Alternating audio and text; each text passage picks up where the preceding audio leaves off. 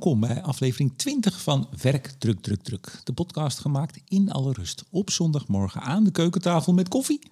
Maar vooral met stress- en burn-out coach Melissa Schouwman. Goedemorgen. Goedemorgen Melissa, altijd vraag 1, standaard. Waar gaan we het over hebben? We gaan het hebben over leren werken met vallen en opstaan. Daar heb jij vast aanleiding voor om het daar nu over te hebben. Ja, ja. Ja, de, de aanleiding is er al een tijdje. Eh, zorgelijke berichten over jonge werknemers die uitvallen door overspanning. Ehm, maar tegenwoordig eh, zie ik ook veel berichten over de arbeidsmarktkeuzes die jonge mensen maken. Oké. En ik heb het idee dat daar een koppeling zit. Oké.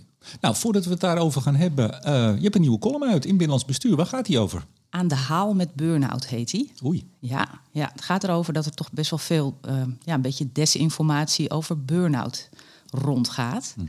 En eh, het meeste in het oog springend vond ik dat, eh, dat er de hele tijd nieuws gaat over dat eh, de term burn-out wordt geschrapt door het CBS. En dat is helemaal niet waar. Oh, Ja, fake news. fake news. Nee, ze, ze, wilden, ze willen af, wilden al eigenlijk in 2017 af van de term burn-out klachten. En nou, daar ben ik het heel erg mee eens. Ja. Maar ja, ineens gaat dat dan zo rond. Oké, nou die is te lezen online, binnenlandsbestuur.nl. Dan ben je ook nog geïnterviewd voor een artikel dat 10 maart verschijnt, ook in Binnenlands Bestuur. Waar gaat dat over? Ja. ja, dat gaat over werkdruk bij gemeenten of bij, bij overheden in het algemeen. En eh, nou, er zijn wat coaches gevraagd om een commentaar daarop te geven, waaronder ik. Kijk eens aan. Nou, jij bent eh, coach, eh, ik zou bijna zeggen coach to the stars, maar je bent coach to de gemeente, want jij bent druk voor het ANO-fonds, ANO-fonds Gemeenten. Ja. Ehm, hebben we het vorige keer over gehad, hè? Je hebt een eh, eh, webinar gegeven samen Ja. met Dushka Meising. Nee, niet Meising. Nee, Oh, Schutz. dat is een heel andere Dushka. Ja, die, die andere is volgens mij schrijfster. Dat zou best eens kunnen. Ja. Ehm, maar jullie, zijn bezig en gaan ook nog meer gemeentelijke HR professionals trainen eh, aan de slag met werkdruk. Kunnen ze zich nog aanmelden? Ze kunnen zich nog aanmelden. Nou, dat is toch ook toevallig? Ja, ja. Hoe doen ze dat? Eh, naar de site van eh, ANO-fonds Gemeente. Mhm. Eh, aan de slag met werkdruk is de titel van, eh, van deze leergang, noem ik het maar eventjes. Ja. En er staat ook alle informatie. En ze kunnen zich nog aanmelden ja, tot ongeveer eh, half maart. Maar doe het eerder, want ja, het, het begint al behoorlijk vol te lopen. Ja, en het is niet van, nou, ik meld me wel even aan en ach, ik kijk wel even, want jullie zijn nu bezig of gaan bezig met de intakes. Dat is, het is Ja. best een, het kost niks voor ze, dacht ik. Het kost niks. Nee. Maar het is wel een, ik bedoel, je kan niet zomaar even erbij. Je moet echt, ja, serieus. Ja, eigenlijk moet je al aan de slag zijn met werkdruk. Of in ieder geval eh, een, een- een opdracht hebben om dat te gaan doen. En dan heb je een mooi, eh, mooi programma wat je daarbij gaat helpen. Nou, genoeg reclame voor, voor deze aflevering, Ja. zou ik zeggen. Ja. We gaan terug naar het onderwerp. Overspanning onder jonge werkenden. Ehm, hoe is het daarmee gesteld? Schets eens een beeld. Nou, eh, op dit moment zijn er ongeveer 240.000 jonge werknemers. Dat zijn werknemers tussen de 25 en de 35 jaar. Die hebben dus last van die overspanning. Dat is ongeveer 17% van deze leeftijdscategorie. Ehm, eh, maar wat eh, extra zorgelijk is, is dat eh, er wordt altijd gemeten hè, hoeveel mensen vallen er nou uit en om wat voor redenen. Dat doet met name de nationale enquête arbeidsomstandigheden. En die zien dat er in alle leeftijdscategorieën een stijging is van uitval vanwege overspanning. Maar het meest zien ze de stijging bij deze leeftijdscategorie. Dus dat is, ja, dat is ernstig. Wat zijn de oorzaken? Een verhoogde stress door eh, prestatiedrang, dat wordt dan met name bij de jonge categorie eh, gezien. En psychische vermoeidheid door hoge werkdruk. Ja, ze, hebben, ze zitten klem. Ja, ja het is te veel, het is, eh, eh, ja, de lat ligt te hoog. Ja, is, dit, is dit nou iets nieuws? Nou, ik denk niet dat het helemaal nieuw is, maar het is in de coronajaren wel wat, wat meer, eh, wat scherper in beeld gekomen. En ik was laatst ook bij een, eh, een eindpresentatie van een campagne van CNV Jongeren. Dat ging helemaal over dit onderwerp, druk. De, de, de vakbond CNV, hè? Ja, ja, en die hebben een jongerentak. eh en die hadden, hebben vanaf 2019 een campagne gehad, druk of geluk. En het is helemaal gericht op, op dit eh, onderwerp. En zij hebben dus ook dat moment 2019 gepakt, omdat dat toen eh, eigenlijk scherper in beeld kwam. Ja, wat, waar was die campagne precies eh, voor? Nou, wat zij hebben gedaan en wilden doen, is het onderwerp werkdruk onder jongeren binnen organisaties bespreekbaarder maken. Hè, dus echt een heel ja, een, een toejuichbaar initiatief, vond ik het. Wa- Want dat was het niet, dat is het niet. Nou, dat, dat idee hadden zij. Uh, ze, ze, spreken veel met jongeren en uh, hadden daar toch het beeld van gekregen dat ze, dat ze dat een beetje voor zichzelf hielden.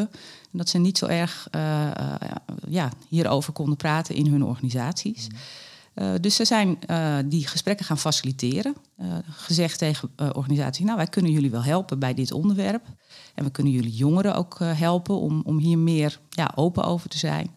En ja, geef ons de mogelijkheid. En, en zo hebben ze heel veel informatie ook opgehaald. Ja, dat was nou de eindpresentatie. Uh, heb jij daar nog iets gehoord waarvan je zegt, hey, dat wist ik niet? Um, nou, ik, ik, ik ben zelf best wel uh, aardig geïnformeerd hierover, omdat ik zelf natuurlijk ook dit soort gesprekken wel voer. En met, met coaches en ook veel jonge coaches heb ik uh, in mijn praktijk. En, en ik praat hier ook over met, met organisaties. Dus voor mij zat er niet heel veel nieuws bij. Maar ik vond toch wel weer opvallend. Ze hebben dus heel veel enquêtes ook gehouden onder jongeren. En dat bijvoorbeeld iets wat heel veel uh, teruggegeven wordt, is dat jongeren uh, ja, feedback ontberen in organisaties. Dus dat ze eigenlijk vinden dat ze te weinig te horen krijgen hoe ze het doen. Uh, en dat ze ook wel complimenten missen. Dus ze willen ook wel graag te horen krijgen wat ze goed doen. en ja, een in het oog springend punt is natuurlijk altijd de prestatiedruk, waar dan jongeren zeggen last van te hebben. Ja, even complimenten. Nou hebben we een generatie, althans dat hoor ik. Uh, ik heb zelf geen kinderen, zeg ik er meteen bij. Die nogal verteld is door de ouders dat ze fantastisch zijn. We hebben het er wel eens over gehad in ja. deze podcast. Uh, ze kunnen alles worden wat ze willen. Ze zijn ongeveer het beste wat de wereld is overkomen. De wereld ligt aan hun voeten. Alles kan. Ja, ja en dan kom je op een gegeven moment uh, aan het werk. Uh, ja, daar staan ze niet aan mas te applaudisseren. Daar staan ze niet de hele tijd te vertellen hoe fantastisch je bent. Ja, ja ja, ik denk dat je daarmee ook wel een beetje schetst wat het probleem voor een deel heeft gemaakt. Namelijk uh, ja, dat dat voetstuk waar je op bent geplaatst, uh, het werkende leven is dan ineens een soort harde realiteit. Nou ja, is het een harde realiteit of is het gewoon een realiteit? En is wat maar, ze daarvoor hadden, want eh, volgens mij op scholen tegenwoordig, zeker de, de basisschool, ach, dat moet ook allemaal maar Iedereen is fantastisch en wegenbeend als je iemand voorhaalt die heel goed is. Want dan voelen de anderen zich slecht. We zitten natuurlijk ook in een tijd waarin... Nou ja, we mogen het woord dik geloof ik niet meer gebruiken. En dun vast ook niet. Maar je, je mag ook niet laten merken dat iemand er gewoon niks van bakt. Ja. Soms heb je natuurlijk kinderen die het gewoon niet kunnen. Nou, dat is heel vervelend. Maar als je het allemaal maar wegmasseert onder het mom van... ja, maar we zijn allemaal goed en jij bent ook goed. Ja, dat is misschien fijn op het moment. Maar dat bereidt je niet voor misschien, zeg ik, vraagteken, voor de rest van het leven. Nou, dit is wel een, een, een punt. Uh, ik moet wel zeggen, in het onderwijs is men dit punt wel uh, op een andere manier nu aan het aanvliegen. Mm -hmm. uh, we hebben het hier ook wel eens gehad over de growth en de fixed mindset. Ja. Carol Dweck is daar de, de onderzoekster achter.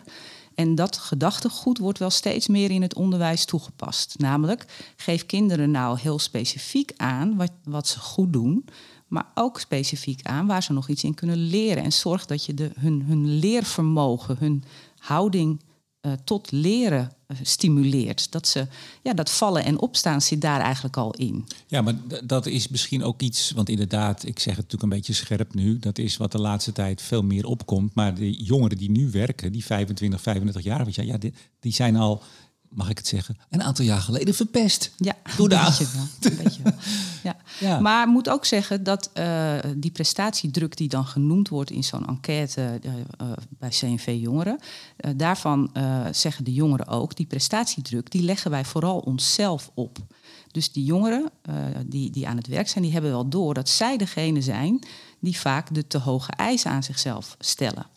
En zij zitten eigenlijk een beetje klem in een lastige combinatie van uh, hoge verwachtingen. Dus ze hebben ook wel hoge eisen ten aanzien van de werkomgeving. Dat moet ook allemaal wel helemaal top zijn. Het moet een mooi verhaal zijn om te kunnen vertellen op feestjes. Dus die hoge verwachtingen. Ze willen zichzelf ook enorm bewijzen, willen laten zien, ik ben het waard, hè, ik kan het. Er zit perfectionisme onder. En daarbij hebben ze dan nog weinig ervaring eigenlijk met wat is nou normaal? Wat, wat is nou een normale, een beetje gezonde verhouding tot werk? En ook hun assertiviteit schiet nog wel eens tekort. En dus ze zijn ook wel een beetje bang. Dus ze hebben aan de ene kant een beetje grote mond aan de buitenkant. Maar van binnen hebben ze ook onzekerheid. Willen ze zich bewijzen? Lukt misschien niet helemaal. En wijten dat dan ook heel erg aan zichzelf. Ja, nou dat, dat is in die zin uh, misschien uh, nobel dat je het aan jezelf wijt. Maar uh, zij komen natuurlijk nogmaals, dan komt toch weer bij die opvoeding en de jaren daarvoor. Ehm, die, die, kan je er niet van loskoppelen. Ik bedoel, ze zullen inderdaad denken dat ze het allemaal zelf doen, die druk opleggen. Maar dat komt toch, de, de grondhouding is meegegeven. Jij kan alles worden en de, de wereld ligt aan je voeten. Ja, ja, en dan wil je dat ook bewijzen. Ja. ja, en dat is ook zo interessant aan dat onderzoek wat die Carol Dweck heeft gedaan. Hè. Dus die zag in het onderwijs kinderen die, uh, ja, die eigenlijk steeds minder zich eh, gingen, gingen presenteren. Die steeds minder op het podium gingen staan. Die, die eigenlijk bang waren om te laten zien hoe ver ze waren in hun ontwikkeling. En ze was geïnteresseerd in wat, wat is er nou met die kinderen? Hè? Worden die extra streng behandeld, bijvoorbeeld thuis? Hè? Dat ze mhm, geen fouten mogen maken of wat dan ook. Dat was een beetje de hypothese. Maar wat bleek, dat waren juist kinderen die heel erg generiek, heel algemeen werden gecomplimenteerd over van alles wat ze deden. En dus dat beeld wat jij schetste van je bent fantastisch, je kan alles bereiken wat je wil. En die kinderen werden juist steeds onzekerder om hun leerprestaties eigenlijk te tonen. Want ja, die dachten, ik sta al op een voetstuk, ik kan er eigenlijk alleen maar vanaf donderen. Ja. En, en dat is wat je ziet, een soort gek fenomeen. Waarbij je aan de ene kant denkt, je hebt die kinderen het gevoel gegeven fantastisch te zijn. Maar ondertussen worden zij er eigenlijk onzekerder van. Want ze kunnen alleen maar naar eh, eh, één weg uh, volgen. En dat is een weg naar beneden. Maar dat is toch eigenlijk diep treurig? Dat is wel een beetje treurig, ja. En, en dan, dan zitten die jongeren, uh, ik noem ze maar even jongeren, die zitten dan in een baan en ja, dan loopt het aan alle kanten loopt het klem. Ja, en dan is het ook nog in deze tijd is het voor allerlei leeftijdscategorieën dus best pittig dus het is niet uh, iets waar alleen maar zij dan last van hebben. Uh, werkdruk is nu ja, all over the place, zeggen we hier vaak. Mm -hmm. en dat is ook zo. Dus ja. Maar, maar, ik weet niet, hoe ging dat bij jou thuis? Gaven jouw ouders jou onrealistische, positieve complimenten mee? Of? Nou, een beetje, beetje van alle twee. Dus ik werd wel gecomplimenteerd. Hè. Wel, uh, nou kind, dat doe je toch goed en uh, je goed bezig. Maar mijn ouders hadden ook wel een beetje een angstige inborst. Uh, ik zelf ook. dus ook wel een beetje van, nou, hè, doe maar voorzichtig. Neem maar kleine stapjes. En ik, ja, ik, ik, had zeg maar een, een, flinke tijd in de jaren tachtig dat ik nog op de eh, middelbare school zat en aan het nadenken was over. Ben wat... jij al zo oud? Ja, ik ben al zo oud. Ja, ja, ja. dus ik ben echt een kind van, nou ja, hopen dat er überhaupt werk voor je is. Hopen dat er überhaupt nog een toekomst is. Ja, dat was een hoge jeugdwerkeloosheid in de jaren tachtig. Ja, ja, dat was echt doom en gloom. Dus, en ik had een zaterdagsbaantje bij de HEMA. Via mijn moeder, want die werkte daar. Uh, dus daar was ik blij mee, dat ik gewoon uh, al wat geld aan het verdienen was. En ik dacht altijd, nou ja, hè, kijken hoe het, hoe het mij gaat lukken om aan het werk te komen. Dat zal wel niet meevallen. Uh, maar ik kan ook kijken of ik bij de HEMA met mijn zaterdagbaantje... of ik daar, uh, of ik daar misschien een, een carrièrepad uh, kan maken. Achter de worsten? Achter de worsten, nee. De video, of de videoafdeling? Het hogere doel was dan natuurlijk naar het hoofdkantoor. Oh, sorry. dus ik heb een keer gesolliciteerd, ook als inkoopmanager geloof ik gelijk maar. Ja, natuurlijk ja, ik was niet echt een type die, die zichzelf te hoog aansloeg. Maar ik had gewoon niet zo helemaal door dat inkoopmanager misschien niet het instapfunctieprofiel was. Leren ja. werken met vallen en opstaan. Met vallen Kijk, en opstaan. Jij bracht dat in bent de ook niet geworden. Bent ook niet geworden. Ik, ik ging in 83 ging ik studeren eh, in Delft. Aan de, toen nog de TH Delft. En het was inderdaad begin jaren 80 uh, was het echt heel erg doem en gloom. Enorme jeugdwerkeloosheid. Ik dacht, nou ja, als ik zes jaar verder ben, dan is die jeugdwerkeloosheid wel voorbij. Slim. Ik ga gewoon lekker zes jaar studeren. Ja. En het was, dat was niet zo leuk voor vooral mijn moeder. Ik zei, nou, en dan kijk ik daarna wel wat ik doe met die studie. Oh. Ja. Ik zei, jongen, dit, dit, is de TH. Nou, dat, dat was ook wel een, een, mooie... Het was een prachtige opleiding. Ik zei, nee, maar ik vind die opleiding leuk. En dan zie ik daarna... Nou, ik ben er ook eigenlijk niet zoveel mee gaan doen. dus, ja. Er is een, een, groot architect aan jou verloren gegaan, toch? Ja, bouwkunde inderdaad. Ja. Oh, hoe, hoe weet jij dat? Ja, dat ja, weet dat, ik toch allemaal. Je ben ook goed geïnformeerd. Je hebt toch bepaalde kennis. hey, even, we gaan het straks hebben over um, welke invloed dat nou allemaal heeft op uh, hun arbeidsmarktkeuzes. Ja. Um, Gaan die keuzes ze ook helpen bij eh, het voorkomen van problemen? En eh, zo niet, ja, wat moet er dan gebeuren? Daar eindigen we natuurlijk Tuurlijk. altijd mee. Maar eerst nog een opvallend nieuwtje uit de gemeente De Beeld. Wat speelt ja, daar? Ja, Binnenlands Bestuur eh, eh, schreef daarover. Gemeente De Beeld. Eh, de, de titel van het artikeltje was... De Beeld trekt de knip om werkdruk te verlagen. Nou, dat ka- kan niemand tegen zijn. Nou, dat ga ik dan natuurlijk gelijk lezen. Ik dacht, oh, is dat de oplossing? Gewoon flink wat geld er tegenaan. 2 miljoen euro wordt er extra uitgetrokken. 2 miljoen. Ja, nou ja, voor een, een redelijk Stel overzichtelijke gemeente is dat natuurlijk best wel een Oh, hoop geld. ja. Jawel. Ja.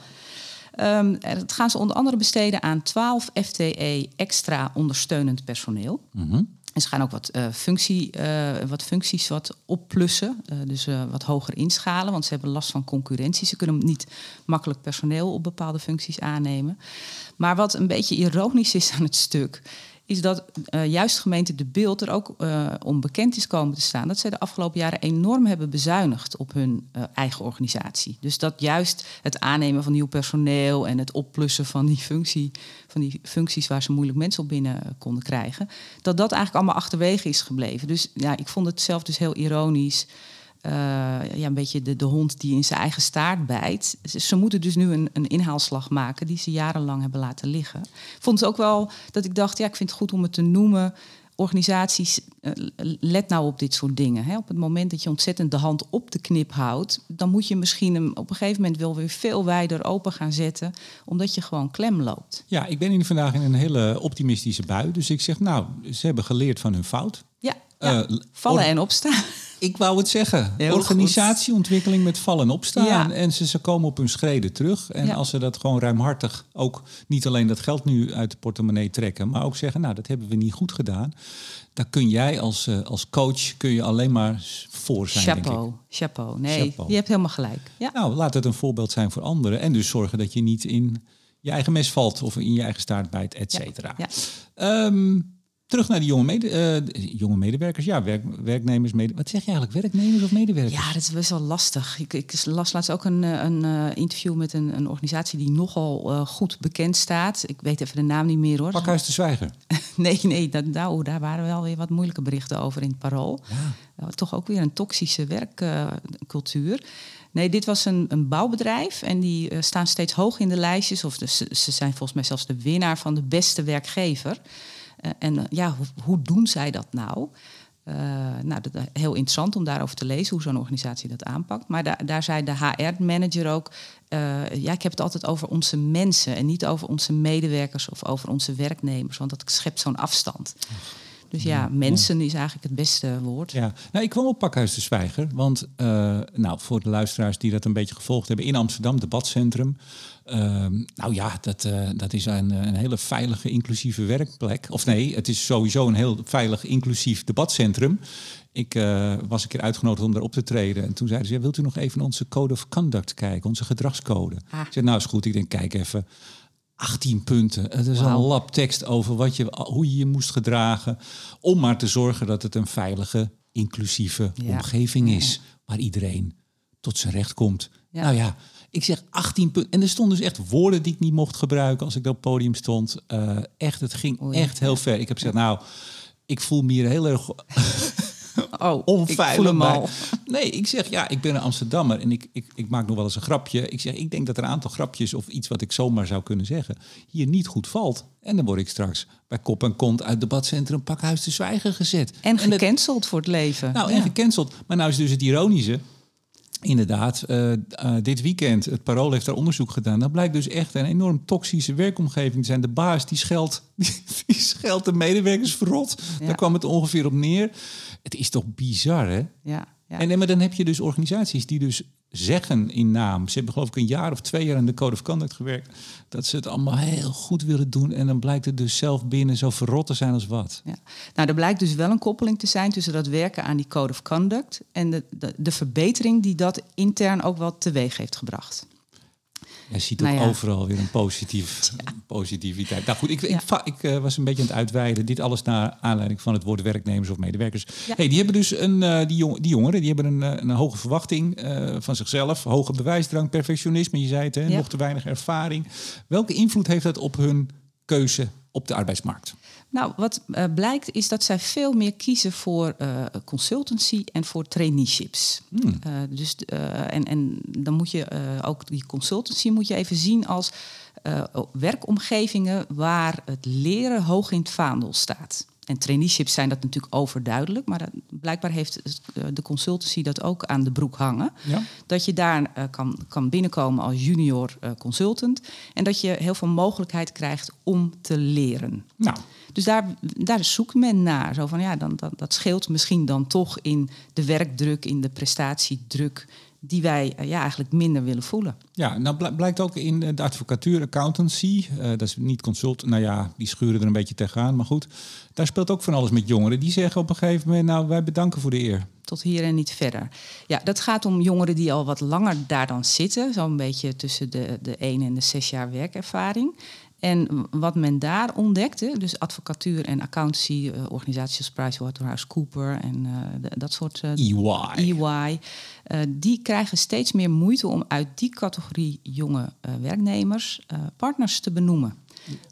Ja, de, de, de, bekende partnerstructuur ook bij advocaten. je, je klauwt je een weg omhoog en je wordt schat helemaal rijk. Want ik geloof dat die jongens een miljoen plus verdienen. Oké. Ja, ja, nee, dat is, uh, dat is als je echt hoog in dat soort organisaties. Maar je moet je wel helemaal de tandjes werken. En dat is echt, uh, dat is geen uh, eh, 38 uur per week. Ja. ja. en dat is precies de reden waarom die jonge categorie daar niet in wil stappen. Dus die organisaties hebben best wel een probleem. En die, die, ja, die voelen dat, dat echt. Dat er, dat, er, ja, dat, dat er iets moet veranderen. Ja, dus, dus even samenvattend. jongeren willen leren. Ja. Nou ja, daar, daar, zeg ik wel, je, kan, je leert natuurlijk overal waar je begint. Ja. Maar het moet meer een gestructureerd leren zijn. Explicieter. Explicieter van, hè, er is een omgeving om mij heen en ik, ik mag vallen en opstaan. Ja, nou kom ik wel eens bij organisaties waar ze dan zo'n traineeship hebben. En, en ieder zichzelf respecterende organisatie heeft dat natuurlijk. Ja. En nu, nu ga ik weer een beetje misschien licht cynisch worden. Uh, bewaak dat even. Trek me aan de bel als ik dat te veel ben. Maar ik zie daar ook wel eens dat het echt een soort hun pride and joy van kijk eens, we hebben hier jongeren en ja. zo'n apengatjes van oh ze, oh, ze doen het fantastisch. Dan denk ik wel, Jezus, ja. wat is dit? Nou ja, en de, de ook weer wat ironische kant daarvan, ook misschien wel bijna cynische kant, is dat dat ook weer heel veel druk geeft. Hè? want je zit in een soort van prinsjes en prinsesjes clubje. Eh, eh, collega's die daar niet in zitten kijken met argusogen naar je. Oh, daar hebben we weer van die dwarsdenkers en eh, die moeten weer een plekje krijgen. Dus het, het is niet allemaal ideaal ja, wat dat met zich meebrengt. Ja, want dat wou ik je dus gaan vragen. Deze keuzes die ze maken, dus minder voor dat, die red race van de Zuidas zeggen we dan, meer leren. Helpt dat die jongeren nou in het, ja, in het beter... hoe zeg je dat nou? Beter presteren of minder last hebben van hun hoge werkdruk, et cetera? Om gezonder aan het werk te zijn. Helpt dat? Nee, nee. Ik, ik denk dat dat uh, echt een verkeerde inschatting uh, is. Uh, want het idee is dan, op het moment dat een werkplek lerend is, dan is die gemakkelijker te doen. Maar leren heeft hetzelfde soort ongemak als werken. Daar hoort bij dat je met teleurstellingen leert omgaan. Dat je ja, je verwachtingen echt heel vaak moet bijstellen. Dat je, mhm. dat je, dat je even flink moet doorzetten om iets echt goed onder de knie te krijgen. Dat je tegen weerstanden van andere, andere mensen uh, moet weten uh, op te komen. Uh, hè, dat je mensen moet meekrijgen. En, en dat, dat, is gewoon niet eenvoudig. En een, een lerende werkplek gaat dat niet automatisch ineens heel makkelijk maken. Ja, doorzettingsvermogen zei Dat is volgens mij een heel belangrijk woord. Is dat niet wat misschien wel op meer terreinen mist bij. Ja, nu moeten we oppassen dat we niet, we zijn van dezelfde leeftijd, dat we een beetje open en oma vertellen. Maar is dat niet wat er soms mist op, op, op heel veel terreinen bij jongeren? Dat je soms gewoon moet doorzetten en dat het soms ook niet leuk is. Ja, ja, je kan natuurlijk niet alle jongeren over één kam scheren. Nee, er zijn echt hele. Ik vind ook dat er juist heel veel bijzondere uitzonderingen zijn. Uh, Zo'n, ik weet even nooit zijn naam, Bo, Borat, uh, die, die jongen die die Ocean Cleanup uh, Club op heeft gezet.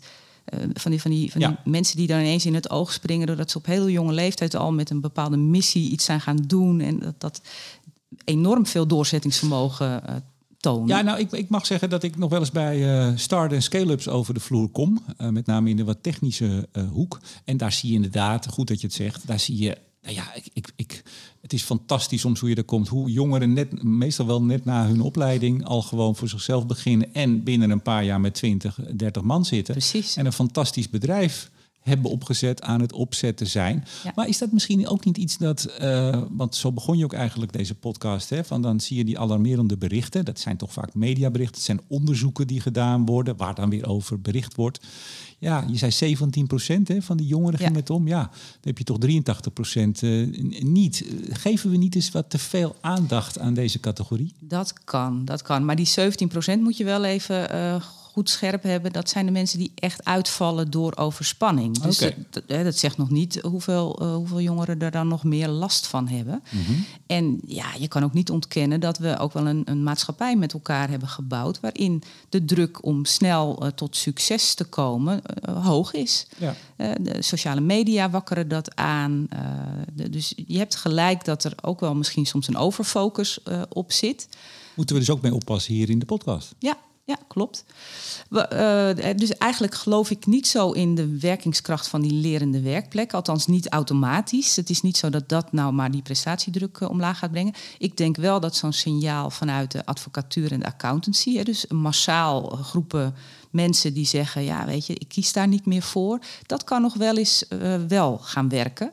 In de zin van dat zo'n branche ook echt wel enorme prikkels krijgt om toch iets te veranderen. Zo van ja, dit hoort eigenlijk niet meer bij deze tijd. Dat hele keiharde werken, dat helemaal to, uh, tot het gaatje gaan. Uh, om, om maar op die apenrots hogerop te kunnen komen. Ja, dat is best een lastige, want die partners die er zitten, die hebben zich ook ingekocht. En je betaalt je schuld, het echt gaat om miljoenen, die betaal je af met uh, het voor hoge tarieven wegzetten van weer jongere advocaten zo verdien je het, het, het partnermodel. Ja. Het is best dan lastig om het af te leren maar of wat, af te bouwen. Wat dan interessant is, is dat er dan ook weer jonge ondernemende advocaten zijn die zeggen: dit kan ook anders. En ik ga een bureau opzetten waar dit anders in elkaar zit. En misschien is het te simpel en ik ken die branche ook niet goed genoeg om, om daar nu helemaal over uit te wijden. Maar je ziet dus wel dat er ook tegenbewegingen komen. En dat er bureaus ontstaan die inderdaad ook groeien, waar, waar jonge advocaten het wel prettig vinden om, uh, om, om zich aan te sluiten. er komen dan ook wel weer kleine bewijzen op tafel dat het ook echt wel anders kan. Ja. Nou, jij, jij werkt in heel veel branches, maar vooral in de gemeente. Misschien komen straks jongens die zeggen, ik ga mijn eigen gemeente beginnen. Dat zou kunnen.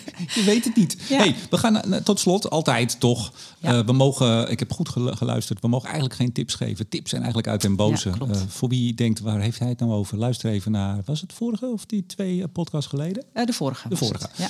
Dus het is even met een knipoog. Maar wat moet er in jouw ogen wel gebeuren? Ik heb het ook wel vaker gezegd hoor. Eigenlijk moeten we jonge mensen leren werken. Nou, dat, dat is wel een beetje cliché natuurlijk. Um, maar het was al een beetje duidelijk uit het verhaal hier, uh, hier uh, voorafgaand aan. Het gaat vooral om het omgaan met het ongemak dat gepaard gaat met werken. Dus uh, het leren vallen en ook weer opstaan, daar moet eigenlijk meer de nadruk op op komen te liggen. Ja, en dus ook ongemak uh, niet altijd willen voorkomen. O ongemak Precies. moet je soms ook ondergaan en accepteren en daar een weg mee weten te vinden ja. en het niet vermijden altijd. En ook voelen, uh, je gaat er niet aan ten onder. Hè? Dus ook ervaren, als ik dat ongemak nou heb, nou dat voelt dan ongemakkelijk. Maar uh, ik, ik, kan, ik kan dat weerstaan, ik kan daar doorheen. ik ga er niet aan ten onder. En die ervaringen, daar moeten we ook eerlijker over zijn. Uh, soms is het inderdaad een beetje zwart-wit. Of, of er wordt ontzettend veel gepamperd. En oh ja, bijna een soort glazen stolpje om, om, om bepaalde groepen heen. En uh, dat het allemaal maar goed, goed moet gaan. Mm -hmm. uh, of we leggen eigenlijk niks meer uit. Terwijl we mensen die wat, wat verderop in hun loopbaan zijn, die weten heus wel, ik weet dat in ieder geval van mezelf, het is best wel een zoektocht, soms jarenlang, naar wat je eigenlijk echt goed kan en wat echt goed bij je past. Maar dat is toch ook het hele leven uiteindelijk? Ja. Ja, en de lol ga je op een gegeven moment vinden. En dat is misschien ook wel gewoon een kwestie van ouder worden. In juist die zoektocht en juist het uh, voelen van... hé, hey, maar er zijn ook andere dingen die ik onder de knie kan krijgen. Ja, uiteindelijk is het uh, doel niet het doel, maar de weg er naartoe. Ja, precies. Dit kan je mooier ja, zeggen, maar dat kwam ja. er nu niet zo mooi uit. Hey, even dus uh, leren omgaan met ongemak. nou, een jarenlange zoektocht dus. Ja waarvan je dus de zoektocht uh, eigenlijk ja, moet, nou, leuk moet vinden eigenlijk. Dat is het doel. Dat is toch een beetje de truc die je in het leven uh, steeds meer uh, je eigen kan gaan maken. Het eerlijke verhaal tegen jongeren vertellen, wat nog meer? Nou, ik, ik denk, uh, want die jongeren hebben ook wel uh, wat meer uh, een boost van hun zelfvertrouwen nodig. Hè? Want ook al hebben ze dan misschien soms een beetje grote mond aan de buitenkant, dat kan ook maken dat bepaalde andere leeftijdscategorieën wat achterover gaan leunen. Hè? Zo van, nou, jij weet het toch allemaal zo goed, nou, zoek het lekker uit. Nee, dat moeten we niet doen. Die jongeren hebben ook die onzekerheid en ook die enorme ja, hoge eisen die ze aan zichzelf stellen. Dus ze mogen ook echt wel te horen krijgen, joh, je kan al behoorlijk veel dingen. Maar weet nou dat je een heleboel dingen nog beter uh, gaat leren kunnen. Dat, dat je daar de tijd voor kan nemen. En dat je een heel werkend leven voor je hebt. Waarin je nog allerlei andere wendingen kan maken, andere keuzes kan maken. Ja, dat vallen en opstaan, dat, we moeten ze eigenlijk steeds duidelijk maken dat dat, dat dat onderdeel is van die weg. En dat dat uh, op een gegeven moment ook juist wel de lol gaat zijn. Ja, nou, dan zijn we er, denk ik. Ik denk het ook. Ook voor deze podcast, denk ik. Ja. Als mensen nou uh, tips hebben, suggesties, nieuwtjes, dat zeggen, kijk daar nog eens naar. Ja. Uh, is dat niet iets om aandacht aan te besteden? Hoe kunnen ze jou dan bereiken? Nou, ik heb een heel makkelijk mailadres: info@melissaschouwman.nl. Ja, Schouwman met OU zonder W, zeg ik dan. Precies. Ik heb, ik heb wel het gevoel dat ik eigenlijk een beetje plots deze podcast eindig, of niet? Nee hoor. Nee, nee. ja, waar we vallen echt... en opstaan, hè? We zijn nu gevallen. Uh, je zit op uh, Twitter. Je zit, nou, niet zoveel eigenlijk. Nee, hè? Twitter is niet nee, mijn LinkedIn. uh, LinkedIn. Is ik ben bij mezelf trouwens ook. Ik zit op Twitter en LinkedIn. Maar Twitter, dat is een beetje, ja, ik weet niet. Het Ja. loopt wat af, Ja. lijkt het. LinkedIn eh, zie ik, er gebeurt steeds meer. Ik heb steeds meer reacties. Eh, Elon kan niet van alles een succes eh, maken. Hè? Nee, nou, ik, ik zou eh, mensen die hem al hebben afgeschreven, ik zou even wachten. Ja, Het is nee. toch wel een van de, de, de hoe zeg je dat, zakenmensen van, eh, van deze generatie. Eh, maar goed, we, Ja. we gaan nu weer helemaal buiten de orde. Nee, maar mailtjes en, en LinkedIn-berichten, altijd goed, altijd leuk. En ja, en ook als je deze podcast leuk vindt, ja, eh, beveel hem ook aan aan andere mensen. Ja, dat, ik, dat hoorde ik laatst bij de BBC. Die, Ja. hebben, die hebben een podcast van de BBC World Service, eh, Hard Talk. En er zit gewoon voor iedere Hard Talk, dat is op tv en op eh, de World Service en natuurlijk online. En dan zegt echt een, een, een mevrouw eh, Stem, zegt nou als u dit nou leuk vindt, beveel het aan aan eh, mensen die u kent op social media of elders. Dat vertelde jij, dus ik dacht, ik ga dat ook doen. Goeie tip. Als u dit een leuke podcast vindt, dames en heren, beveel het aan, eh, stuur het door. En eh, wie weet eh, voor wie het allemaal nog meer interessant is. Ik zeg tot zover aflevering 20 van Werk, Druk, Druk, Druk. Druk, Druk, Druk. Graag tot de volgende keer. Tot volgende keer. Ik eh, heb uit Oostenrijk wat zaggertorten meegenomen. Wil je een stukje? Nou, lekker.